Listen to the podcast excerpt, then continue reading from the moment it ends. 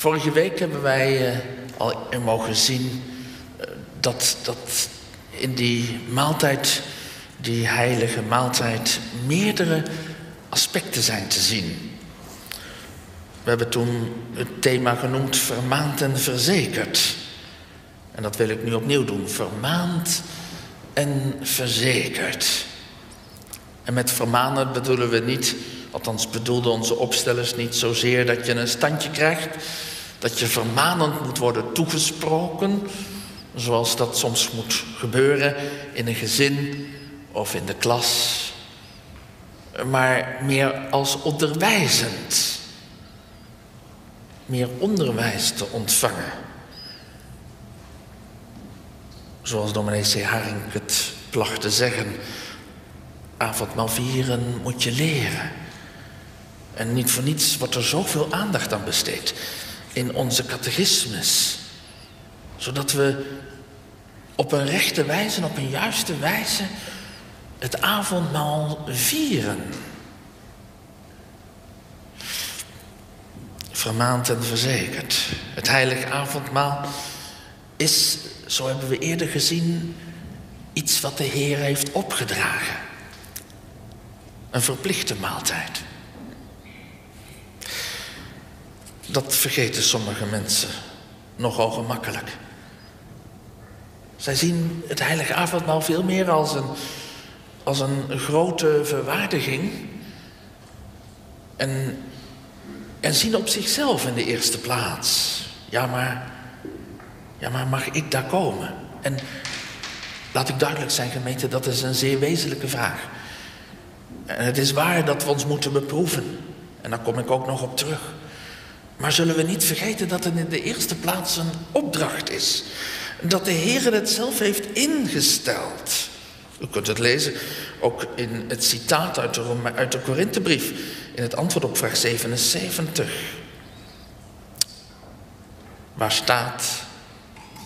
Doe dat zo dikwijls als gij dien zult drinken tot mijn gedachtenis. Doe dat.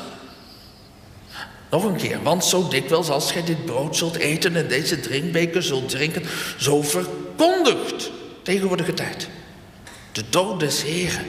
Hoe lang? Totdat hij komt.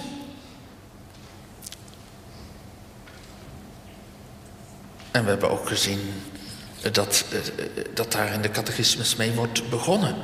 In het eerste antwoord, het antwoord op vraag 75. Dat Christus mij en alle gelovigen tot zijn gedachtenis van dit gebroken brood te eten en van deze drinkbeker te drinken bevolen heeft. Bevolen.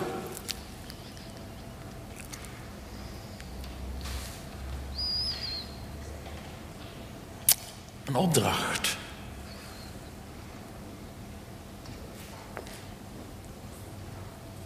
Is het u als tot schuld geworden?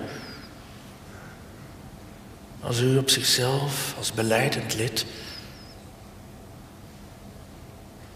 een kerkelijk recht hebt om toe te treden, maar nog nooit geweest bent. U zegt maar, maar God ziet dat als een schuld van mij. Ja, gemeente ongeloof is schuld voor God.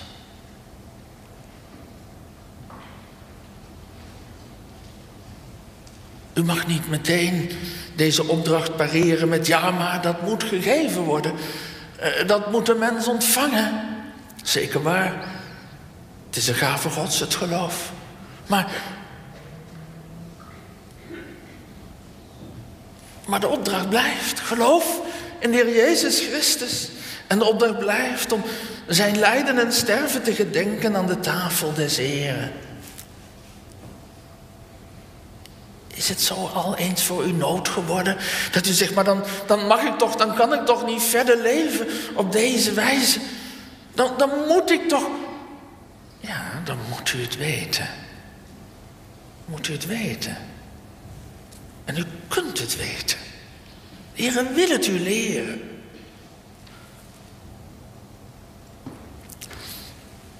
Dus een verplichte maaltijd. En daarom is het ook heel triest als er in gemeenten geen avondmaal wordt bediend. Of als die spanning niet gevoeld wordt. Als we te gemakkelijk zeggen, ja, eh, eh, het zijn de omstandigheden waardoor we geen avondmaal kunnen vieren. En daar moeten we ons maar makkelijk bij neerleggen. Wat zegt de Heer? Gaat u zo om met mijn opdracht? Doe dat tot mijn gedachtenis.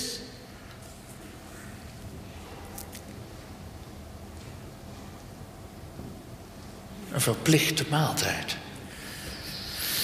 Verplicht door degene die zijn dood wil doen herdenken. Stel gemeente dat u hele lieve ouders hebt. En die ouders zouden zeggen als wij er nou niet meer zijn. Hè? Willen jullie als kinderen dan beloven dat jullie, omdat je niet meer onze verjaardagen zo zult kunnen bezoeken, want dan zijn wij er niet meer. Maar dat je op onze verjaardag, twee keer per jaar, tenminste twee keer per jaar, als kinderen, en daar rekenen we dan ook de aangetrouwden natuurlijk onder, samenkomen. En dat jullie dan met elkaar een maaltijd zullen nuttigen. U begrijpt wel waarom die ouders dat graag willen. En misschien is het wel een idee voor u om, om dat toch eens te bespreken. Zodat die kinderen met elkaar in contact blijven. En dat er, ja, dan ben ik al eigenlijk bij zo een van de gedachten, dat er een gemeenschap mag zijn. Dat er gemeenschap mag blijven. Zou u, gemeente, als u veel van uw ouders houdt, zo'n opdracht, zo'n vraag, makkelijk aan de kant schuiven en al snel zeggen: ja, het gaat niet, dat lukt niet. Uh, is druk of er zijn bepaalde omstandigheden, overmacht, zou je dat snel zeggen? Nee toch, als er veel liefde is door de ouders, dan zullen we er ook alles aan doen om aan dat liefdesgebod te willen voldoen. Dus een verplichte maaltijd hebben we gezien. In de tweede plaats hebben we ook gezien, het is een onderwijzende maaltijd. De Heer wil aan de hand van eenvoudige tekenen, middelen, een stukje brood, een slokje wijn, wil Hij verklaren wie Christus nou is voor een schuldig mens die op Hem leert vertrouwen, die door Hem zalig gemaakt is en straks in de zaligheid, de eeuwige zaligheid, de heerlijkheid zal worden opgenomen. Eenvoudige middelen en tekenen. Gemeente, wat komt de Heer dichtbij? Bij de doop gebruikt hij het eenvoudige middel van het water. Water. Wat ligt er? Een grote les in het water, hebben we gezien. En wat ligt er een grote les in dat stukje brood en in dat slokje wijn. Meent en zo komen we nu opnieuw dus tot een aantal facetten van het avondmaal, van deze tafel. En ik wil nu met u drie zaken In de eerste plaats, het heilig avondmaal is een geloofsmaaltijd. Een geloofsmaaltijd. In de tweede plaats is het een gemeenschapsmaaltijd. En in de derde plaats met een toegezegde zegen. Het is een geloofsmaaltijd. Dat is in het bijzonder ook aan de orde gekomen in vraag en antwoord 75. Maar antwoord 76 begint daar toch weer aan te refereren. Door te zeggen, het is niet alleen met een gelovig hart het ganse lijden en sterven van Christus aannemen. Aannemen. En daardoor vergeving der zonden en het eeuwige leven verkrijgen. Dat is dat aspect van de geloofsmaaltijd. En dan, wat er daarna volgt in antwoord 76, dat ziet op de gemeenschapsmaaltijd. En het antwoord op vraag 77, dat valt onder de toegezegde zegen. Toegezegd door de Heer. Gemeente, die geloofsmaaltijd. Ik heb er net al wat over gezegd. Met een gelovig hart aannemen wat wordt toegezegd in het evangelie. Wat wordt er dan toegezegd in het evangelie. Dat een iegelijk die gelooft in de Heer Jezus Christus, als de van God gegevene, de zaligmaker, dat diens zonden worden vergeven vanwege zijn lijden en sterven. En dat hij door zijn opstanding ook dat nieuwe leven heeft verworven. En de kracht wil geven om voor Gods aangezicht te wandelen. De heiligmaking. En die, die verworven heeft. De eeuwige bestemming. De eeuwige heerlijkheid. Een plaats in het vaderhuis met de vele woningen. Erfgenaam. Erfgenaam. Dat is wat hij, wat hij toezicht. Gemeente, dat wordt uitgewerkt in zondag 7. Het ware geloof in de Heer Jezus Christus. In zijn persoon en in zijn weldaden. Dat is wat nodig is. Wat is een waar geloof? Ik houd het u nog een keer voor. Een waar geloof is niet alleen een stellig weten of kennis, waardoor ik alles voor waarachtig houd wat ons God in zijn woord geopenbaard heeft, maar ook een vast vertrouwen. Kennis en vertrouwen. Het welk de Heilige Geest door het evangelie in mijn hart werkt. Dat niet alleen anderen, maar ook mij vergeving der zonden, eeuwige gerechtigheid en zaligheid van God geschonken is. Uit louter genade, alleen om der verdienste van Christus wil. Dat is een waar geloof. Meente, is dat geloof altijd zo zeker? Zijn Gods kinderen daar altijd zo zeker van? Dat ze uit die zekerheid kunnen leven. Eh, dat zou dan betekenen dat ze, kunnen, dat ze zullen zeggen en kunnen zeggen: Ik ben niet meer bang voor de dood. Laat de dood maar komen. Ik ben gereed om af te reizen, want mijn zonden zijn mij vergeven. Om het bloed van de Heer Jezus Christus wil. En Hij heeft voor mij een plaats bereid in het vaderhuis, daar zal ik mogen komen. Is die zekerheid er altijd? Nee, nee.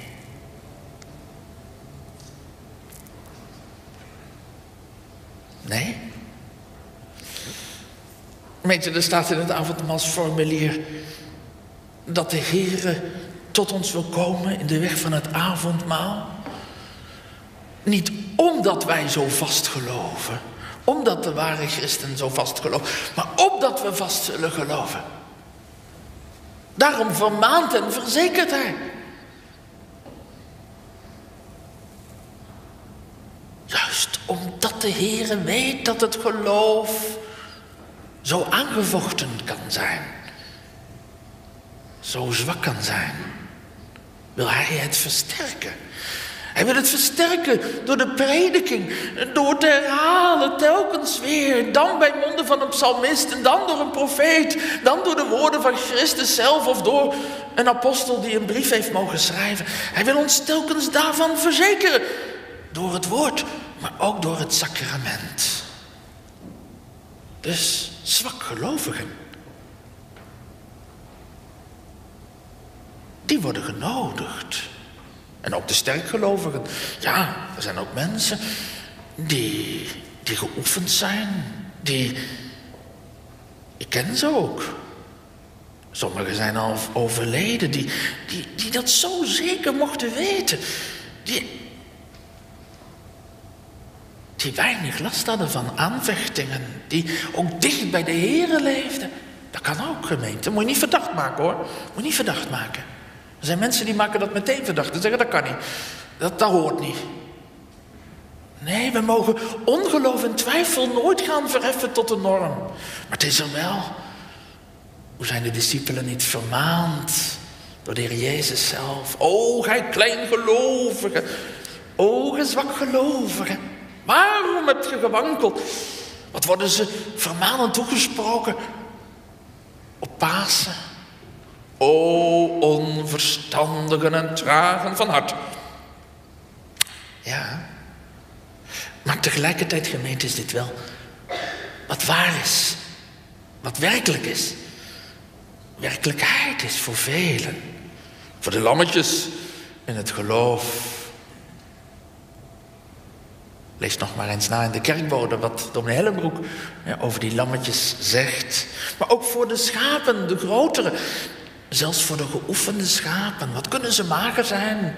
Wat kunnen ze twijfels hebben? Om allerlei redenen.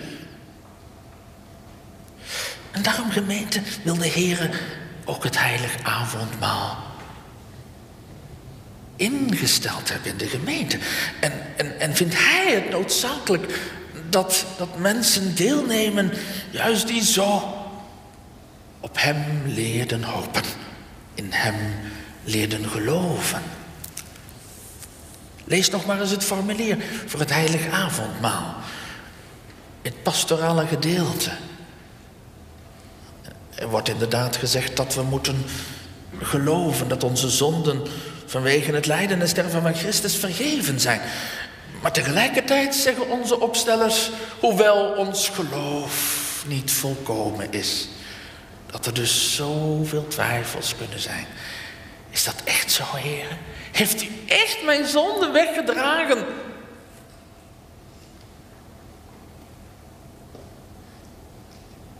Mag ik u nog eens het voorbeeld nemen van de voorouder van Petrus? Weet je wat een onkunde was dat, hè? Wat we vanmorgen hoorden van deze Petrus. Ja, zijn hart was vervuld met liefde tot de Heer Jezus, zeker. Maar wat hij zei, dat beschouwde de Heer Jezus als duivelswerk. Ja, niet het eerste. Die beleidenis, gij zijt de Christus, ja. En, en de eerdere beleidenis, gij hebt de woorden des eeuwige levens. Nee, dat waren goede beleidenissen. Maar, maar wat daarna kwam, die verhindering om Christus te doen lijden en sterven. Petrus had totaal geen zicht op hoe hij zou zalig worden. Namelijk alleen door het bloed van de Heer Jezus.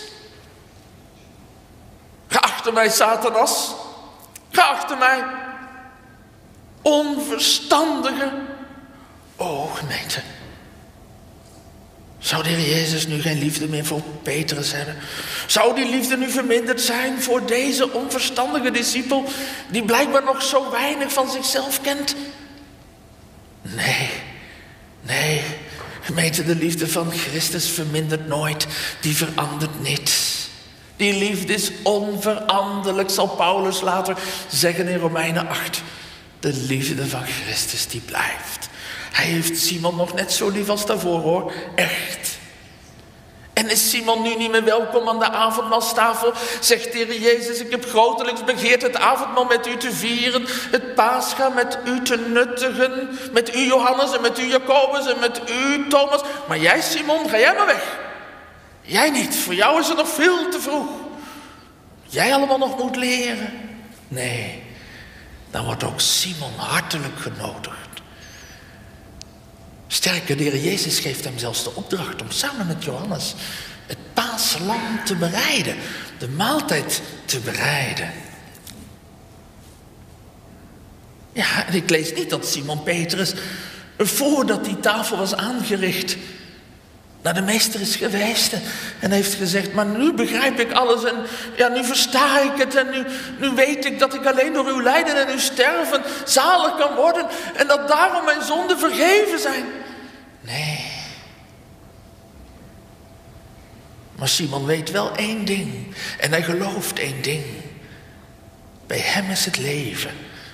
Het leven is buiten mij, is bij Christus en bij hem moet ik zijn. En bij hem mag ik zijn.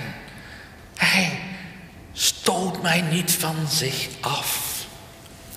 Een geloofsmaaltijd.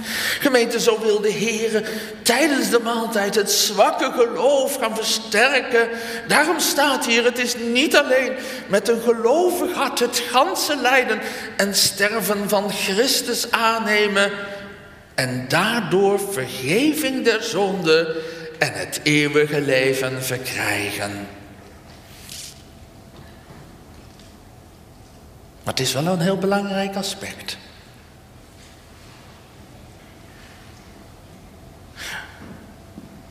Om ook zekerheid te mogen ontvangen in de sacramentele weg. Als de Heere door middel van zijn dienstknecht een stukje brood in de hand legt van de zondaar. Eigenlijk zegt de Heer dan, hier heb je mijn zoon. Mijn zoon. Zijn lichaam voor u verbroken. En als, als daar dat slokje wijn mag worden genuttigd, zegt de Heer, bedenk, op het moment dat je dat proeft, dat mijn zoon voor u verwond is. Zie op zijn wonden. Zie op die doorboorde handen. Zie op zijn zijde. Zie op die wonden in zijn hoofd. Zijn bloed voor u vergoten. Bloed als samenvatting van het hele lijden van de Heer Jezus Christus. We gaan onze tweede gedachtegemeente. Maar ik wil nog één keer antwoord geven op de vraag die misschien wel bij iemand leeft. Maar wanneer mag ik dan aangaan? Als u met Simon Petrus kunt zeggen, tot wie zal ik anders gaan? Ik kan tot niemand anders meer gaan. En ik wil tot niemand anders meer gaan dan tot Hem. Hij is me zo dierbaar. Hij is voor mij zo noodzakelijk. Hij is zo beminnelijk. Tot wie zal ik anders heen gaan? Hij heeft voor mij de woorden van het eeuwige leven. En te zulke worden genodigd. Zoeken horen bij Christus. We gaan naar onze tweede gedachte.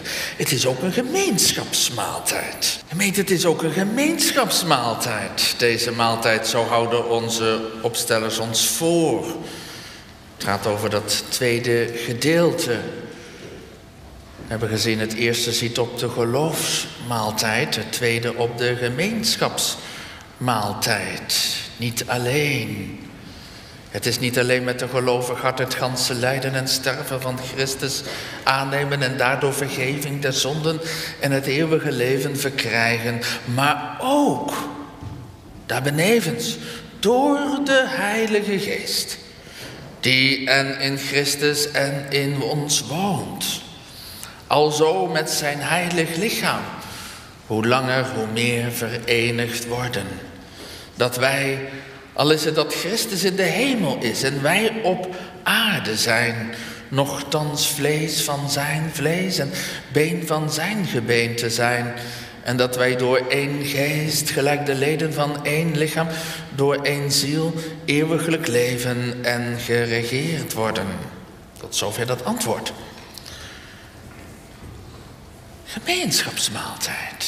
U komt het ook tegen in het formulier voor het heilige avondmaal. Zal het u voorhouden, want door zijn dood heeft hij de oorzaak van onze eeuwige honger en kommer, namelijk de zonde, weggenomen en ons de levendmakende geest verworven, opdat wij door die geest, die in Christus als in het hoofd en in ons als zijn lidmaten woont, met hem waarachtige gemeenschap zouden hebben en al zijn goederen, het eeuwige leven, de gerechtigheid en de heerlijkheid deelachtig worden.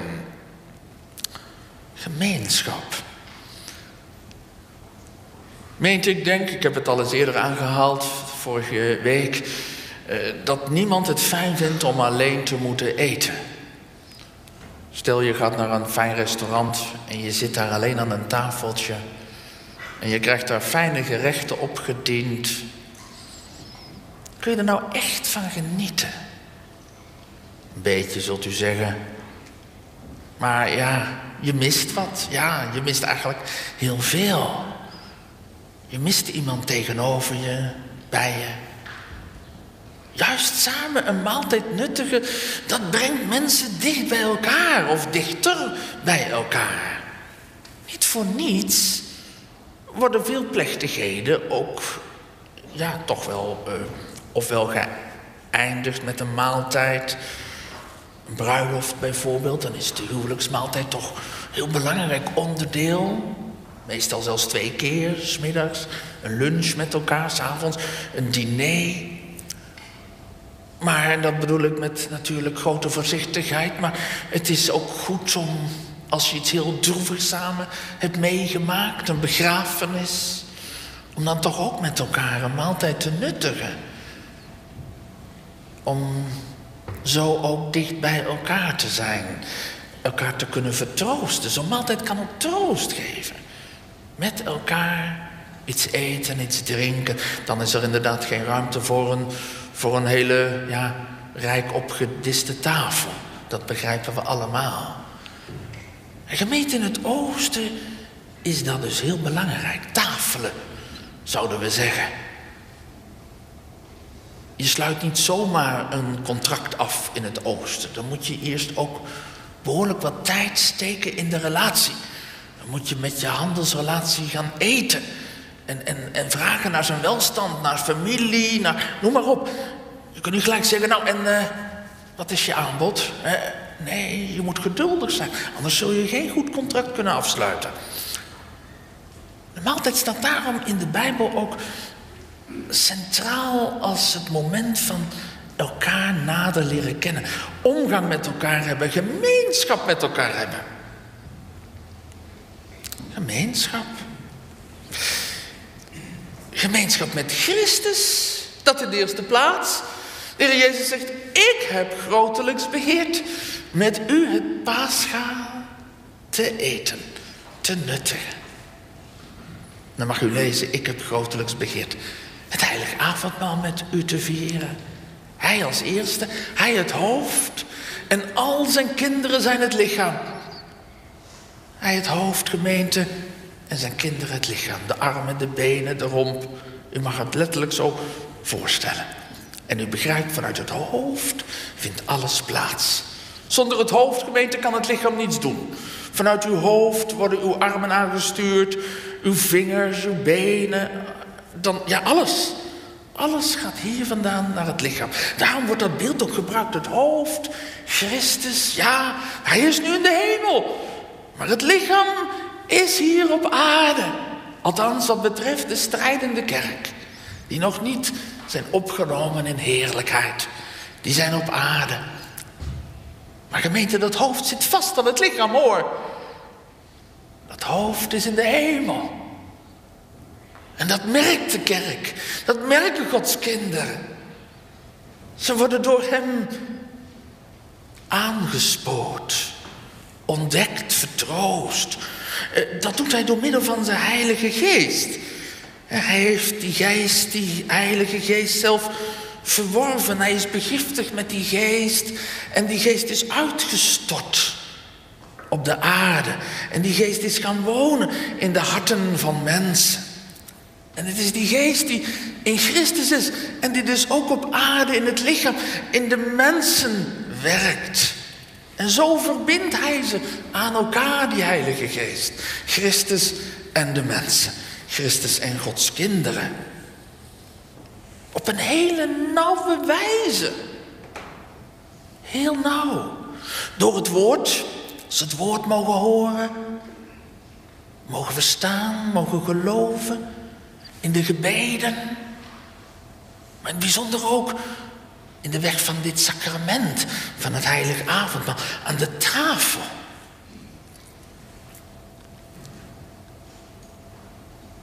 Al is het dat Christus in de hemel en wij op aarde zijn. Nochtans vlees van zijn vlees een been van zijn gebeente zijn. Zeg, dat gaat wel heel ver. Wat, doet u dit dan denken, gemeente, als u dit zo leest? Vlees van zijn vlees, gebeente van zijn gebeente. Jongens en meisjes, wie, wie zong dat in het paradijs? Dat was, toch, dat was toch Adam? Toen hij Eva kreeg. En toen hij begreep dat Eva uit hem voortkwam. Dat God een rib had genomen. En, en, en die rib had gebruikt om een vrouw voor hem te vormen. Te bouwen. Toen heeft Adam het gezongen. Vlees van mijn vlees. Gebeente van mijn gebeente.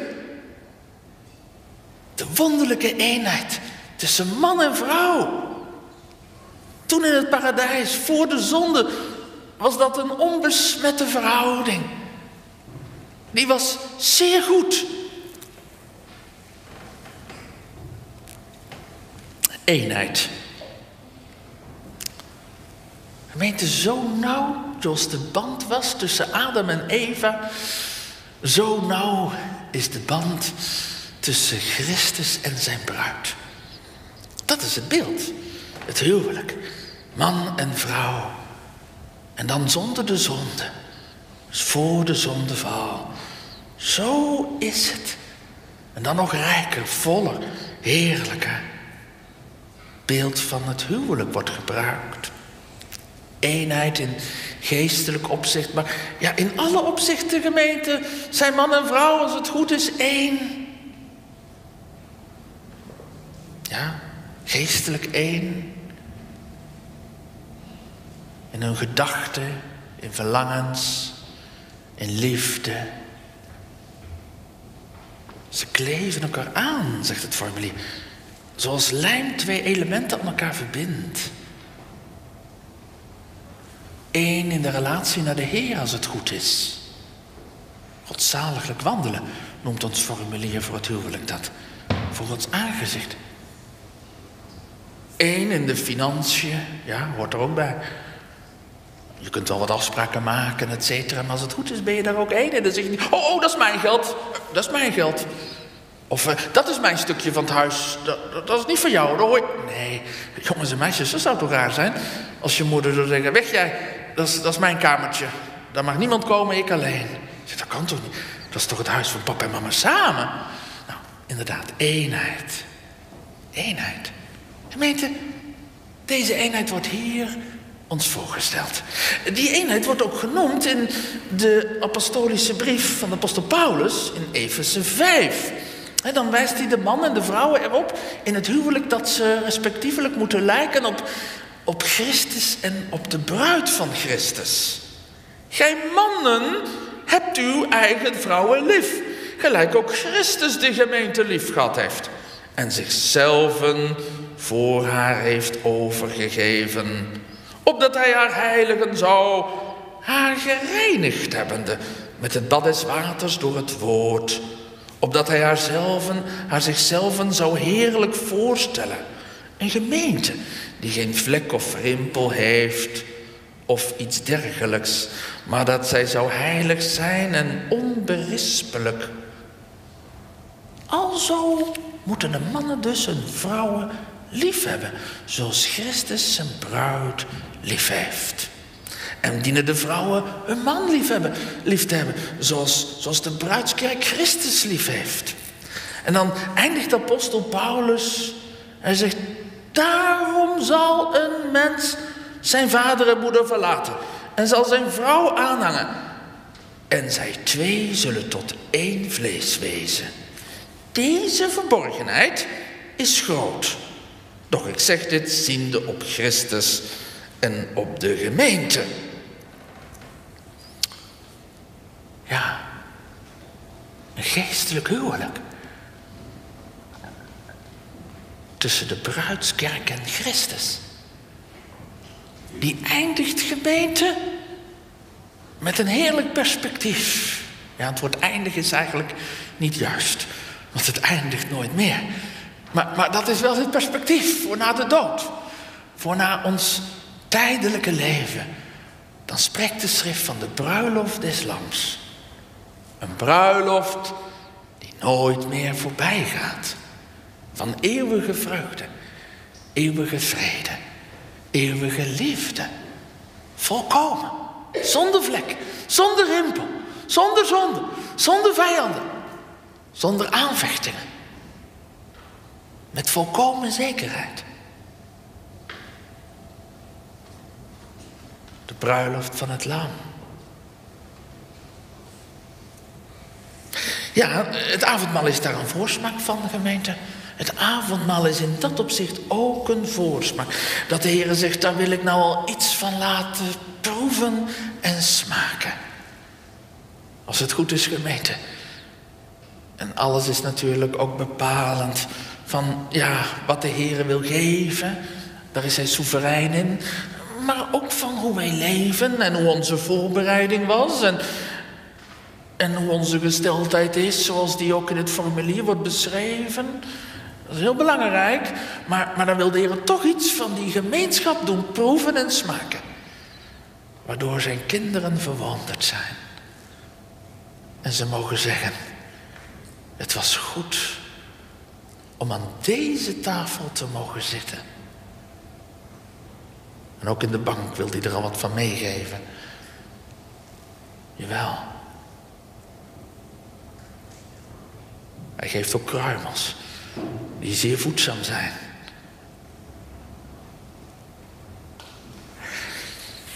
Wat een, wat een wonderlijke gemeenschap, gemeente. Maar ja, het is misschien een heel aangrijpend beeld, dat moet ik toch ook wel benoemen. Meent iemand die gestorven is, heeft geen lust om te eten. Dat weet je niet eens. Die wil niet eten, die wil niet drinken, die kan niet eten, die kan niet drinken. Moet dat misschien wel van u of van jou gezegd worden? Dat er helemaal geen verlangen is naar dit brood en naar deze wijn. En naar deze gedachtenismaaltijd, naar deze gelovende, gelovige maaltijd of geloofsmaaltijd, naar deze gemeenschapsmaaltijd. Dat het je gaat om de dingen van de wereld, ten diepste. Maar niet om deze bruiloft, om deze bruidegom. Weet u wat de Heer dan zegt? Dan ben je dood. Ben je geestelijk dood. Dan is er een scheiding tussen hem en u en jou. En, eh, en dan? Als dat zo blijft, gemeente, dan. En u sterft zo, dan, dan zal de Heer zeggen: dan is er ook geen plaats voor je. Aan de tafel hierboven. Daar komen geen onbekende bruiden. Ze hebben hem hier leren kennen, hier leren beminnen, hier met hem gemeenschap gehad, hier met hem één geworden. Ze zullen geen onbekende Christus ontmoeten. Als dat niet gebeurd is, zal hij zeggen: ga weg van mij. Ik heb u nooit gekend. U wilde niet dat ik uw bruidegom zou zijn. U hebt niet gewild. Ja, maar. Nee, er is geen plaats meer voor ja, maar. Daarom moet het u eerlijk zeggen. Ik moet het jou eerlijk zeggen. Omdat je de bruidegom dan zoveel verdriet hebt aangedaan. Dat hij zal zeggen, nu. Nu is het onherstelbaar. Maar ik mag jou en u ook zeggen, het kan nog. Nu. Oh, roep hem toch aan. Ga uit, de bruidegom tegemoet. Hij nodigde, hij nodigt tollenaren en zondaren. En zij naderden tot hem. Hij nodigt arme bruiden. Die geen geld hebben om hem te betalen. Die geen goed hebben om te kunnen ruilen. Die moeten zeggen, ik ben naakt. Ik ben arm. Ik ben vuil. Ik ben zo onwillig. Ik ben Ik ben niet aantrekkelijk. Geen zins.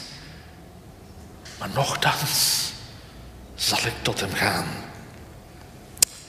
Meente, onze laatste gedachte wilde ik verder niet meer specifiek uitwerpen. Dat is meer bedoeld als, als een onderstreping. Want u zegt, waar staat het dan? Is dit nou echt allemaal waar? Ja, het is allemaal waar, gemeente. Het is allemaal waar. Want het staat in Gods woord. En Gods woord is de waarheid. Deze zegen belooft de Heer. Hij belooft hem echt. En hij zal hem ook geven. Wat de Heere zegt, dat doet hij. Hij verzekert het ook. Hij verzegelt het ook. Daarom staat er in Gods woord. Ze zullen straks niet beschaamd uitkomen. Maar ook nu niet. Ook nu niet, gemeente. Ook al kun je misschien zeggen, ik, er zijn tijden dat ik de Heer niet, niet kan vinden. Eh, dat Hij zo ver weg lijkt te zijn. Nou, Hij is niet ver weg, maar u bent ver weg. Maar één ding. Wie hem zoekt, zal hem vinden. Wie hem zoekt, zal hem vinden, echt. Wie hem aanroept, zal door hem geantwoord worden. Daar, daaraan betoont hij zijn liefde, zijn gunst en zijn zegen. Amen.